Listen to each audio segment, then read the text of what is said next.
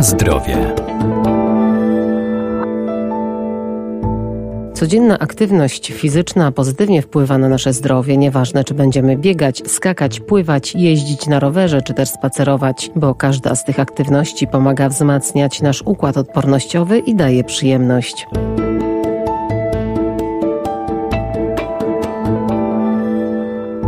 Każdy ruch dotlenia nasze mięśnie, poprawia nastrój i kondycję, pozwala zyskać dodatkową energię czy zrzucić zbędne kilogramy. To także kształtowanie sylwetki, uwalnianie endorfin czy poprawa odporności. Aktywność fizyczna ma duży wpływ na funkcjonowanie całego organizmu. Przytoczę teraz przykłady działania aktywności fizycznej na kilka układów. Izabela Jarosz, koło naukowe przy Zakładzie Dietetyki Klinicznej Uniwersytet Medyczny w Lublinie. Zacznę od układu ruchu, na który składają się układ mięśniowy i Wszelkie rodzaje aktywności fizycznej powodują tu przykład zwiększenie wytrzymałości mięśni, dzięki czemu organizm lepiej przystosowuje się do różnych obciążeń, a w układzie szkieletowym dzięki wysiłkowi fizycznemu zwiększa się odporność na kontuzję. Dzieje się tak dlatego, że różnego rodzaju aktywności wpływają na mineralizację kośćca czy wzmacniają stawy. W układzie krążenia serce staje się bardziej ukrwione, a systematyczne ćwiczenia powodują jego lepszą wydolność, co obniża ryzyko wystąpienia chorób.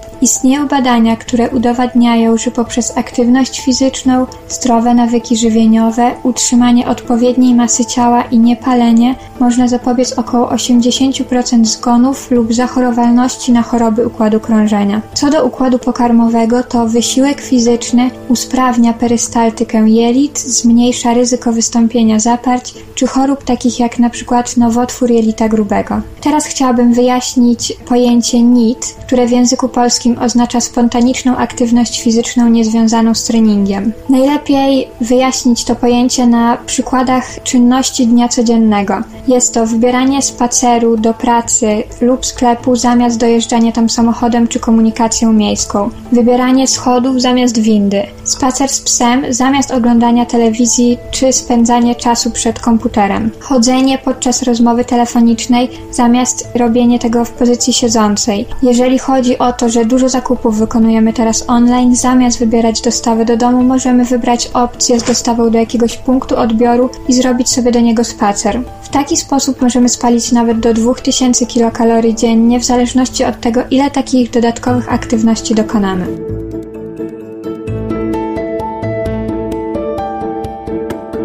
Na zdrowie. Warto też liczyć ilość wykonywanych dziennie kroków. WHO zaleca wykonywanie 10 tysięcy kroków dziennie. Badania jednak potwierdzają, że nie ma takiej określonej liczby kroków dla wszystkich osób. U niektórych już 4,5 tysiąca kroków dziennie może wpływać na samopoczucie, jednak zalecana liczba kroków zależy od zapotrzebowania energetycznego. Jeśli ktoś ma duże zapotrzebowanie, jego dzienna liczba kroków również powinna być wyższa, sięgać nawet 10 tysięcy. Lecz wpływają też na to inne czynniki, takie jak płeć, kondycja organizmu czy masa ciała. Tutaj właśnie wykonywanie tej dziennej normy kroków można połączyć z pojęciem NIT, ponieważ wybierając taki spacer do sklepu zamiast dojechania tam samochodem, zwiększa się dzienna liczba kroków. Istnieje mnóstwo urządzeń, które monitorują taką dzienną liczbę kroków. W wielu telefonach jest już możliwość liczenia kroków, ale jest też mnóstwo aplikacji, są opaski, zegarki i właściwie po co ich używać? Dla wielu ludzi może to działać jako taka motywacja, dla innych po prostu kontrolowanie tej dziennej normy. Ja uważam, że warto posiadać takie urządzenie lub aplikacje, aby zwiększyć świadomość, ponieważ może się wydawać, że ktoś robi dużo kroków, jednak to jest tylko takie jego mylące wrażenie i wcale tak nie jest. Ważna jest też tutaj systematyczność, ponieważ lepiej robić dwa dni po 7 tysięcy kroków na przykład, niż jednego dnia wyrobić tą dzienną normę, na przykład 10 tysięcy, a drugiego zrobić już tylko 500 kroków. Podsumowując, aktywność fizyczna ma wiele pozytywnych skutków dla naszego zdrowia, jednak może rodzić pewne niebezpieczeństwo, dlatego najważniejsze, aby wszystko odbywało się pod okiem specjalisty, np. trenera personalnego, który monitorowałby wszystkie działania. Warto również, aby motywacją do wykonywania aktywności było zdrowie, a nie chęć poprawienia wyglądu sylwetki, ponieważ gdy osiągniemy już ten pożądany wygląd, może się okazać, że stracimy chęć do wykonywania ćwiczeń i przestrzegania zaleceń, przez co zdrowie może się znacznie pogorszyć.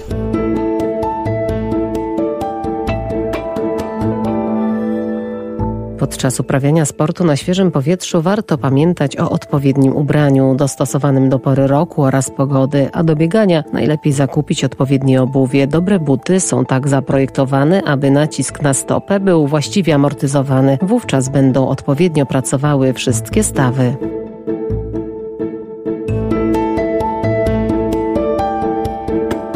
Na zdrowie.